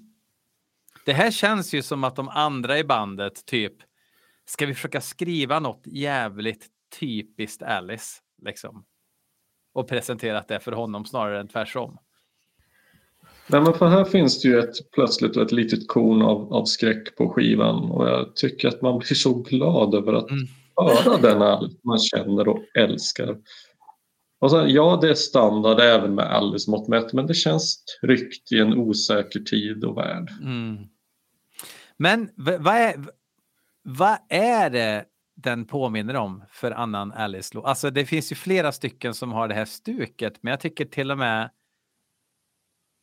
jag har verkligen ransakat mig själv. Kan man säga det om en sån sak? Ja, jag har ransakat mig själv gällande Alice Cooper-skivor. Ehm, Jag tror jag vet vad jag själv tycker den påminner om, men det blir att gå händelser i förväg så att jag gör inte det. kan man gå händelser i förväg bakåt i tiden? Nej, men alltså, så här då. Utan att gå Ja, försök få ihop det här nu utan att gå händelser i förväg. Ja, nej. Eh, Men på, jag tycker att med den här låten så, så, så skapas lite grann av en Alice Cooper-ljudbild som jag, som jag tycker att han kommer att återkomma till på följande skivor. I viss utsträckning. Som man eventuellt skulle kunna tänkas återkomma till på följande skivor. Är det det du menar? Ja. Mm. Ja, jag, jag tror jag förstår hur du tänker. Ja. ja, ja. Nej, men den är ju legit. ja, Den här men verkligen. Det är en ganska fin text också, så den är ju ganska sorglig. Jag menar, det känns ju som att eh, nu i mitt nuvarande jobb så jobbar jag mycket med att få träffa pensionärsorganisationer och, så här, och anhörigstöd och liksom det är folk som har varit gifta i 40-50 år och så har de har mist liksom sin maka sedan otroligt långt tillbaka. Och då tycker jag att det känns mer, det känns gripande. Mm. Mm. Hade någon annan skrivit den här låten så hade man ju sagt Alice Cooper rip-off. Så mycket Alice Cooper låter ju den här. Ja, Verkligen. men verkligen. Och, va, va, jag vet inte, eh, eh, vad tycker du om låten Anna? Nej, men jag, jag, jag kommer ihåg att när jag lyssnade på den här när jag var yngre så, så gillade jag den inte så mycket. Men jag har kommit fram till att jag gillar den nu. Och jag tror att det är för att den är mer typisk Alice. Och liksom, jag, ja, det, jag har ju kommit fram till liksom att den här plattan kanske är någonting jag gillar för den liksom, resterande musik jag lyssnar på och inte för att det är Alice. Liksom. Att det känns som att eh, ja, jag gillar den här låten men den passar inte riktigt på skivan. Mm. Ja, för det, det, kan man ju ändå säga att man är så glad över att en gammal vän har kommit tillbaks samtidigt som man undrar, men vad gör du här? ja, men det känns lite så här som att man skulle ha ett födelsedagskalas eller liksom någon fest med ett, en del av sin bekantskapskrets och så kommer det en Mm. kompis som är i en annan vängrupp liksom. Den lite ouppfostrade. Jo, nej, men, ja, jo precis. Det, det är inte den här klassåterträffen du ska vara med på för du är i grundskolan och det här är gymnasiet. ja, lite så. Eller komvux då, var vi väl inne på. Och varför äter du björnklister liksom? Ehm, love should never feel like this. Somebody told me love's a beautiful thing. And when I found it, all the bells would just ring. And all the birds would sing. Then I met you. I searched the planet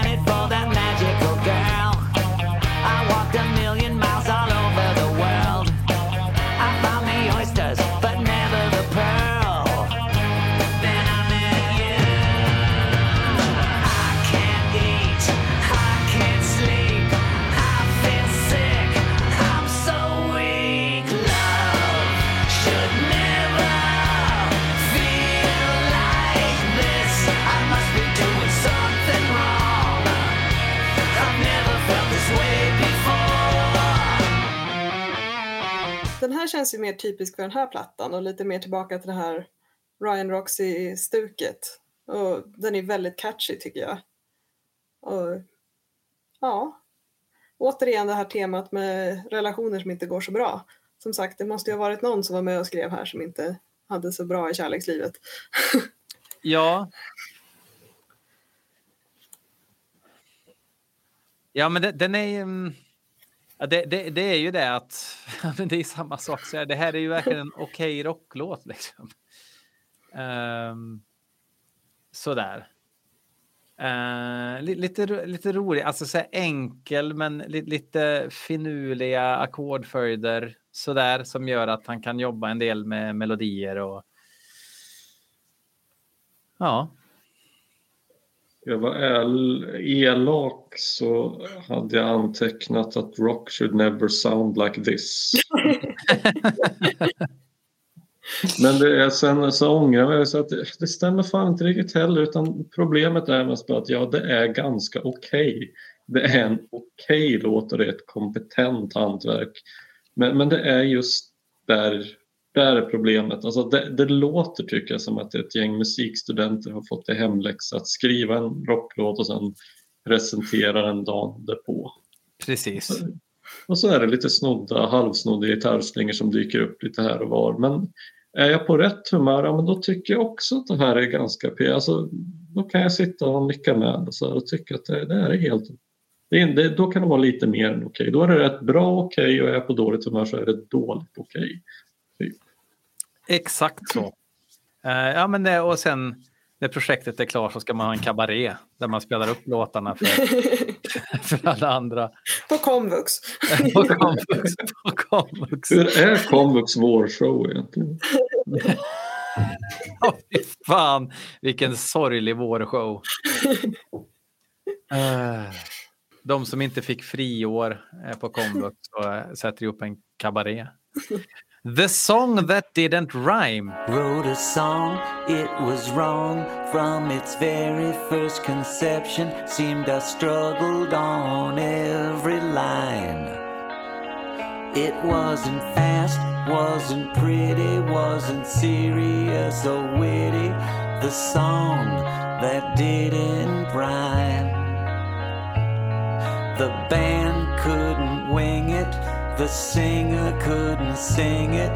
The drummer's always out of time. The DJs were offended. My union card suspended. Billboard declared it a crime. The melody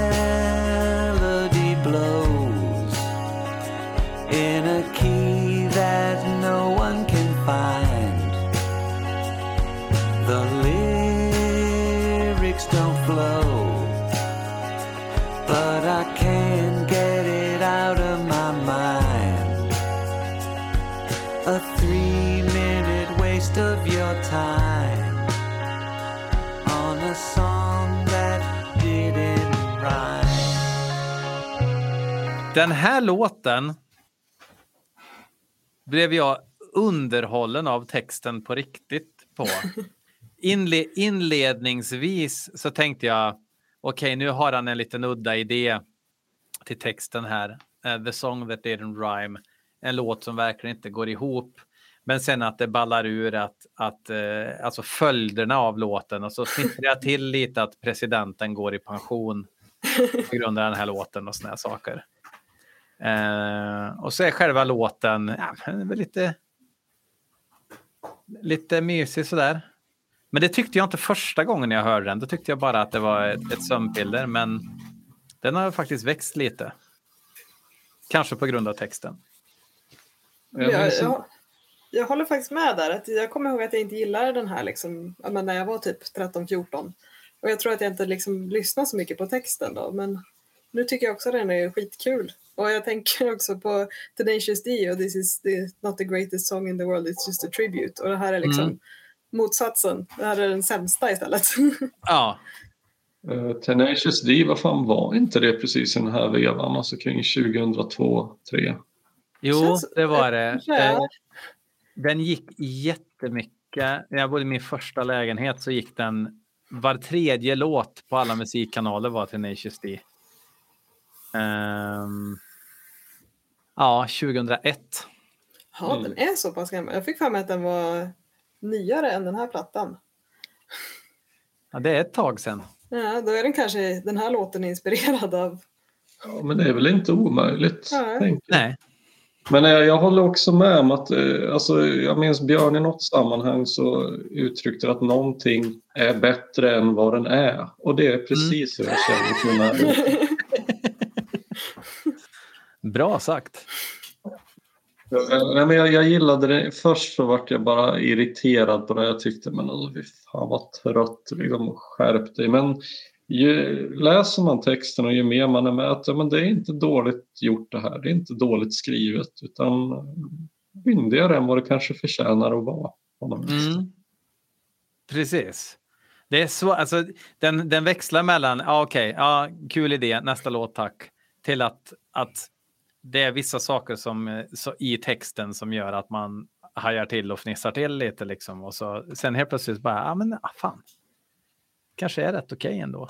Ja, det, det är återigen en låt som kanske inte riktigt eh, passar in på plattan. Jag tänker, jag sätter ofta på den här om jag vill ha lite ösigare, liksom, lite mer upptempo och sådär. Så att man kanske inte riktigt, eller i alla fall inte jag, är på humör för en ballad när jag slår på det här albumet. Så det handlar Nej. lite mer om så här, nu när jag mer suttit ner och lyssnat på den på ett annat sätt så bara, men den här låten är ju jätterolig. Medan Ja. annars kanske man bara skippat den för att det inte var det humöret man var på. Men skulle inte den här, så här vad jag tyckt att hela, hittills egentligen att hela skivan har lidit av är att jag inte liksom tycker att det finns någon potentiell singel för att uttrycka det på det Ja. viset. Men den här låten väl faktiskt kunna bli en ganska kul liksom, låt med video och liksom ha lite eget liv på det viset. Ja, ja men Mm. faktiskt. Det skulle ju kunna bli en väldigt kul video om man liksom spelade upp den. Ja, men- texten. Precis, ja, men så här lite elected. Alltså, Ja, ja, man följer honom i vardagen och såna här grejer. Liksom, och, och hur han kanske liksom försöker kränga skivor och det går inget bra. Och, ja, lite tokigt. Ja, gitarrsträngar som går av. Och... Mm. Han förlorar ju till och med sitt medlemskap i facket på grund av den här låten. Bara en sån sak. Ja, men det hade kunnat varit kul. Ja, Okej, vi har två låtar kvar. Mm, vi kan ta den första av de två, I'm so angry.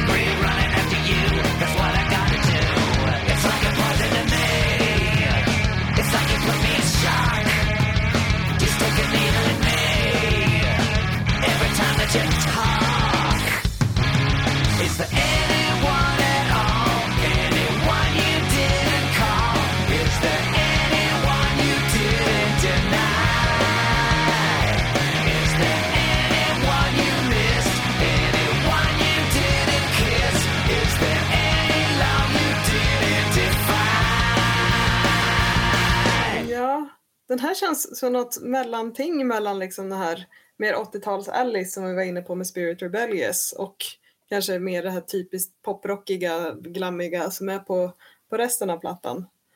Tycker jag. Och sen tycker jag, med tanke på, ja, nu ska vi inte gå händelserna i förväg, men jag tycker att titeln hade nästan passat bättre på sista låten. Mm, ja. Jag tycker det här låter jättemycket som Wild Hearts, om det är nu någon som minns dem. Mm.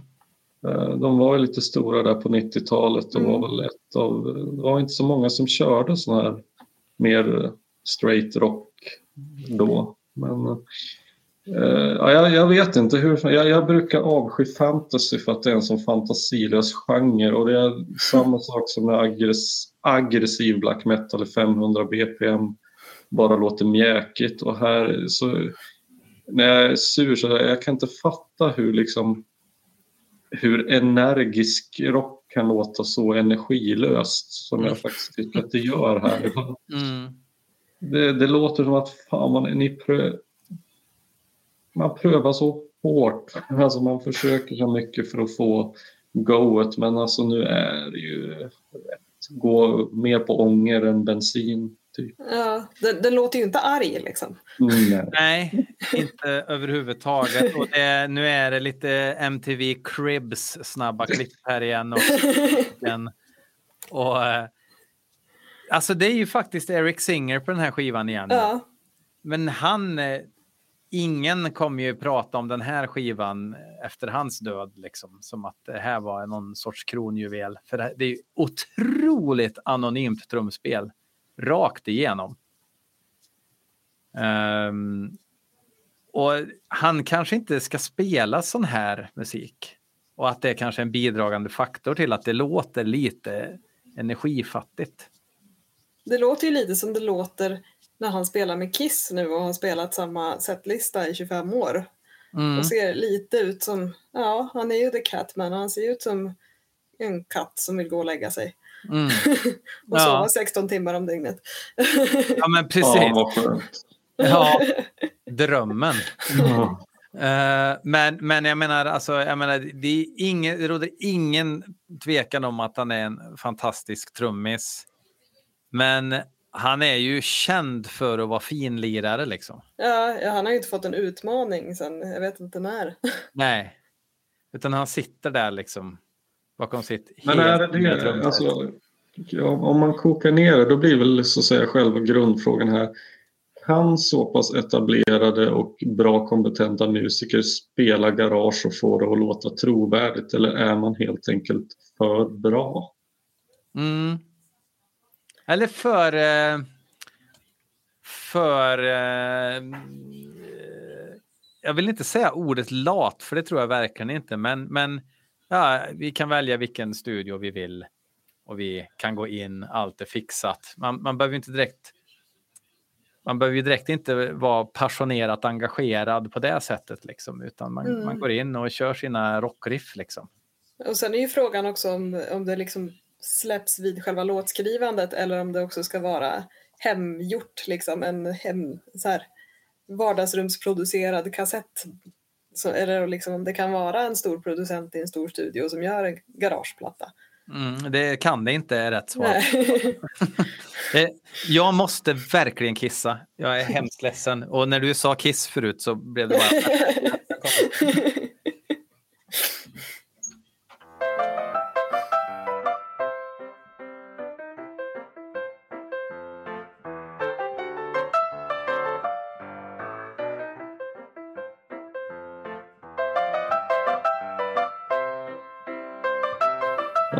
antar väl att Björn kommer väl att klippa bort just det här eller också så fortsätter vi helt enkelt bara ja, men precis. Veckans pausfågel. Ja, jag, jag har liksom inte jag har inte skrivit några fler anteckningar om den här låten själv men det, nu så sent som idag när jag satt och lyssnade igenom plattan två gånger till så jag tycker inte, alltså inte ens det här tycker jag låter dåligt. Det är bara att någonting fattas. Jag har så otroligt svårt att sätta fingret på Ja, jag tror på, på just den här låten för mig så tror jag att det har att göra med att den låter ganska glad och så, så är det bara I'm so angry, I'm so angry. Och det är lite Ja, svårt det att tro övertygar ju inte djävulskt. Nej. och, och det är ju någonting som jag tycker att Alice annars är bra på, det här teatraliska och liksom, som du säger, man tror ju på honom när han ska hugga huvudet av folk och Mm. sticka kniven i folk liksom. Så det, är- det är ju inte skådespelartalanger som är brist liksom. Nej men det, fan, det, det är ju helt sant här att hans alltså som, som röstskådis får han ju inte blomma ut här nästan alls. någonting. Nej. Eh, Men det är ju som han gör ett... Jag tänker mig lite grann som en, en proffsig röstskådis dubbar en Disney-film eller någonting. Eller, eller Disney Time kanske mer än en stor Ja. film. De vet precis hur man gör och det låter... Det kommer alltid att vara ett habilt verk men du kommer inte riktigt att komma ihåg det när man stänger av Nej. Nej precis, det här är ju inte en låt som jag tycker är en av de starkare på plattan utan snarare tvärtom. Utan ja, Mm. den, är, den är lite knepig den Är här. Ja, det, det, var nog en av dem som jag hade svårast att komma ihåg tror jag efter. Eh, ja, Men hur var det? Men nej, jag tänkte liksom att du har ju en, en mer eh, en starkare relation till den här skivan. Eh, Gällde det när du hade börjat lyssna på den här skivan, kom, kom du ihåg alla låtar efteråt? Så där, eller tog det ett gäng genomlyssningar innan man började sätta sig? alltså jag tror att den fastnade ganska snabbt för mig ändå men jag tror också att det är liksom mer början på albumet och så här, ja men framför, framförallt de här tre, fyra sista liksom har kanske mer fallit bort. Sådär. Mm. Men eh, ja, som sagt, jag hade ju inte lyssnat på alla 22 tidigare Alice Cooper-album när jag började lyssna på den här heller. Så att, Jag tror öppningsspår, tror jag, det går nog inte liksom... Går nog inte liksom... ehm, alltså det är så sjukt viktigt ja, med hur de första tre låtarna låter. ja, Eh, jag, tror att det det. ger intrycket överhuvudtaget. Slut, slutbetyget på skivor kan ha med det att göra. Liksom. Ja. Jo, men och det är ju så, man säger ju liksom don't ju- judge a book by its cover, men jag tycker liksom så här omslag och de, ja men som du säger, typ tre första låtarna. Sen kan det ju vara världens bästa låt som är liksom näst sist på en platta, men Mm. har, har de första låtarna inte varit så bra så kommer man liksom inte eh, Nej, men varför skulle man? Alltså det, Ja. och, och jag menar, det där blir väl bara värre jag menar ju, ju mer i nutid vi befinner oss, Ja. liksom, när vi är konstant omringade av, alltså vi är bombarderade av intryck, ljud, nya låtar exakt hela tiden och tillgängligheten är vad den är. Jag menar, det krävs ju rätt jävla mycket för att saker ska få en att haja till. Mm. Ja. Jo, men, Men vad fan. verkligen. Men ska vi ta sista stoppet på färden? Backyard Brawl.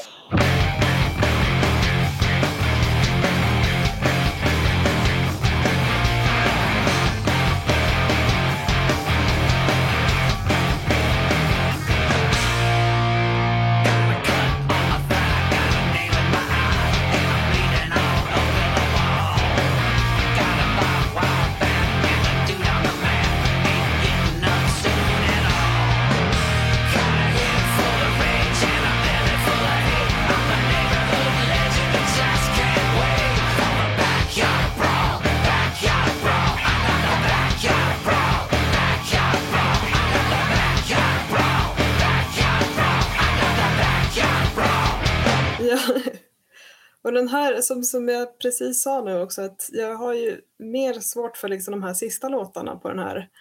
Och det, den här tycker jag också sticker ut på ett ganska udda sätt. Den passar inte riktigt heller in. Den är ju väldigt arg till skillnad från I'm so angry Mm. på något sätt.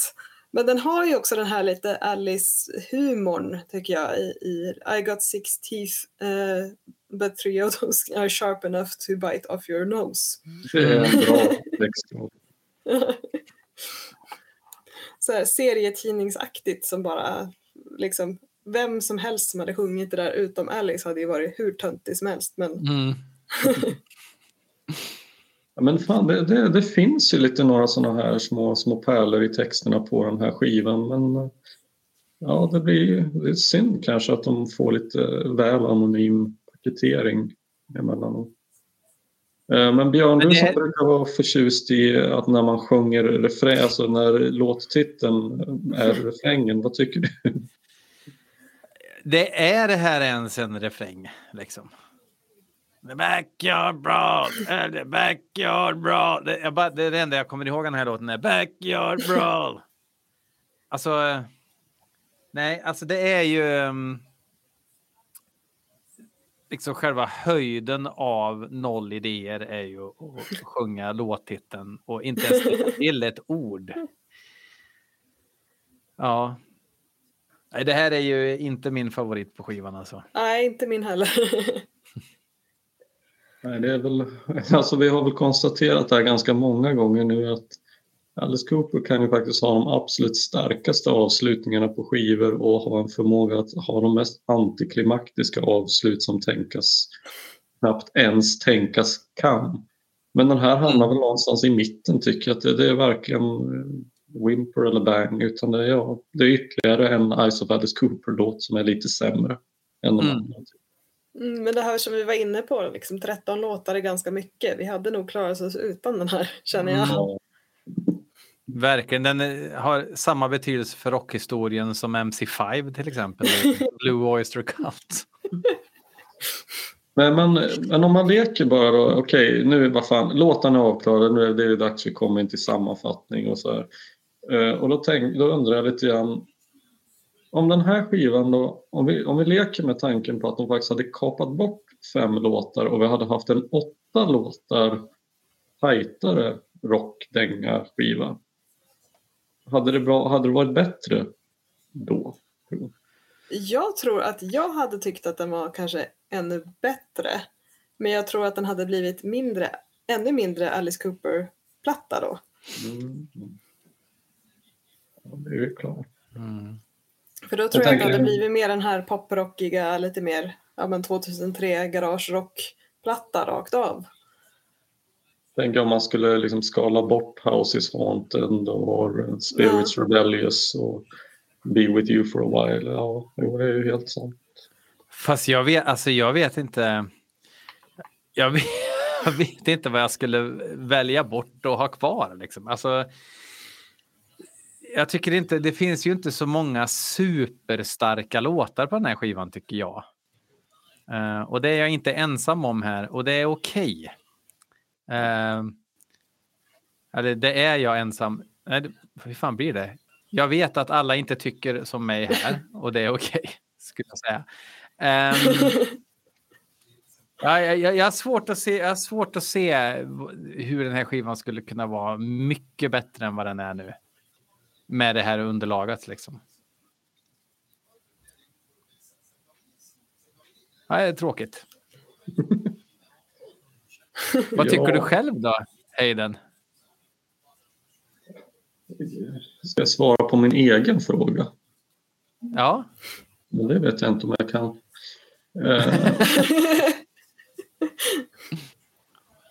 Eh, nej, alltså...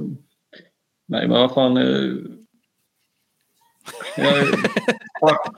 ska vi gå direkt på betygssättning? För det känns Ja, som det blir så svårt, och liksom, svårt att lyfta det ena från det andra. Och då, jag brukar väl inte vara först när jag ska betygsätta så jag kanske kan vara det nu. Då. mm. Eh, nej, men jag får liksom vara ärlig och säga att ja, men det här är, för mig det här är nog eh, det är den skiva jag tycker minst om Det är den jag kommer att lyssna färst. Det är faktiskt ett ord det har jag varit tvungen att kolla upp. Eller- säger vi i Värmland. Färst. Eh, nu har jag lyssnat på den här skivan så många gånger och jag tror inte jag kommer återkomma till den. Eh, men eh, det trista är ju så att normal, och en av anledningarna till det är att jag tycker att oftast så är antingen så ska skivor vara skitbra eller så ska de vara skitdåliga och jag kan verkligen älska båda två. Men när de hamnar i, i mellanfacket som jag tycker det här är nästan en apoteos av eller en paragon av fem av tio så blir det så och då blir helhetsbetyget faktiskt ännu sämre. Så att för mig är det här två av fem ska jag nog säga. De är, det är liksom lite grann som Enthroned i Black Metal. Den här, eh, Ice of Alice Cooper sitter i en armbrytningsmatch med en throne om att få ja, eller vad fan, släng in norska Ragnaröks senare skivor där också. Det är samma påse. Eller Ja. Do Scented kanske. Ja. Nu. Ja, Eh. nej, så här, jag, jag skulle önska för att det, vi brukar liksom ändra uppfattning om skivorna. Eller åtminstone jag, jag brukar ändra till viss del uppfattning om de Alice skivor vi lyssnar igenom inför podden och så här. Men den här har blivit lite bättre, den har växt med lyssningarna men den kommer nog aldrig att växa så mycket att den eh, blommar upp in i full prakt för mig. Så. Då ska jag vara lite mer positiv än dig. Så tar vi lite tripp, trapp, trull här. Eller trull, trull trapp, tripp kanske, beroende på hur man ser det. Eh, den här skivan är det större sannolikhet att jag lyssnar på igen eh, snarare än Dragon Town. Och Dragon Town gav jag två. Jag vill aldrig mer se liksom, eh, färgade linser och absint i resten av mitt liv på grund av den där eran. Då vill du Ehm. inte se på omslaget till Ice of Alice Cooper man. ja, nu, det är väl en stor skillnad. You know what I'm talking about. Ehm, det här får 2,5 av mig. Ja, och jag tycker den är så svår att bedöma för att som sagt, som en Alice Cooper-platta så tycker jag inte den är jättebra. Men om jag ser den till liksom hela min skivsamling och vad jag själv tycker om att lyssna på så, så ser jag, rankar jag den liksom högre. Så att eh, den, jag tycker den är svår att bedöma om jag ska liksom bedöma den som ett Alice Cooper-fan eller om jag ska bedöma den som musik jag lyssnar på generellt. Så att, eh, men jag måste ju ändå säga eh, fyra av fem då. Mäktigt. Ja, nej men... Nej. Eh, Jag tycker det är svinkul för, för som sagt Ja. det är så otroligt sällan man, man hör den åsikten. Men jag tycker för det är så härligt med, med Alice på något sätt att det finns så mycket olika musik som ändå som han har producerat genom åren. Så att det är ju verkligen så här, skulle jag ta en, en artist till en öde ö så är det ju Alice Cooper för att det är sån jäkla bredd på det. det är sant. Men jag blir Det är Anna, om verkligen jag bara får jag tänker, skulle du säga, tycker du att det här är den skiva som är minst Alice Cooper av Alice Coopers samlade verk? Ja, det är en av dem i alla fall, skulle jag nog säga. För det är ju en av dem med minst skräcktema. Sen tycker jag den är väldigt mycket, alltså den, som jag sa, den är väldigt mycket Ryan Rocks och den är väldigt mycket liksom hans liveband. Så jag skulle nog säga att den är ju mer av Alice Cooper som han är idag, om du går och ser Alice Cooper live, än vad den är kanske den klassiska Alice Cooper med, med en orm och skräck och sådär. Så det beror lite på hur man ser det. Men så här, visst blir det ju, det blir ju, nu fan alltså nu när du säger det, det är ju ganska svårt att tänka sig Alice med orm framföra den här skivan. Ja, men precis. Verkligen. Det, Det är möjligtvis This House is Haunted liksom. Det ska, det ska vara det, men det, jag har inga problem att föreställa mig Hollywood Vampire, eh, Vampires Alice framföra det här, men Alice Cooper blir Ja. fel. Men jag, jag kollade faktiskt på lite gamla liveklipp från någon så här Tonight Show eller vad det var med, med liksom det här bandet och Alice. Och han är inte sminkad på det här också utan det, Oj. det känns väldigt Hollywood Vampires. 20 år innan Hollywood Vampires liksom. Hmm. Ja, nej, men det, jag blir inte förvånad. eh, Ja, alls. det, jag tycker Men det... bo- Borde inte omslaget sett ut så här istället? Ja, det är ju... Jo, men alltså det... Snarare än så. ja.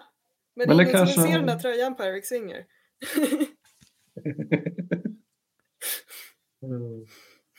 Ja, see-through nätbrynja har ju heller inte åldrats med värdighet. Med ett kors på. I typ latex. Nej. Det känns mer eh, David Vincent idag än, än eh, Eric Singer. Ja, men alltså eh, en miljard tack Anna. Ja men tack själv, det var skitkul My- att vara med. Mycket intressant input. Det är så intressant för du kommer ju från en annan liksom, värld verkligen med din eh, Ryan Roxy fandom och sådär. Eh, och jag har hört, jag ska inte gå händelserna i förväg så att jag, jag frågar den här frågan off air istället. Ja, Ehm, och med de orden så säger vi väl då låt stå ja men tack så mycket. tack så mycket, låt stå och tack för kaffet.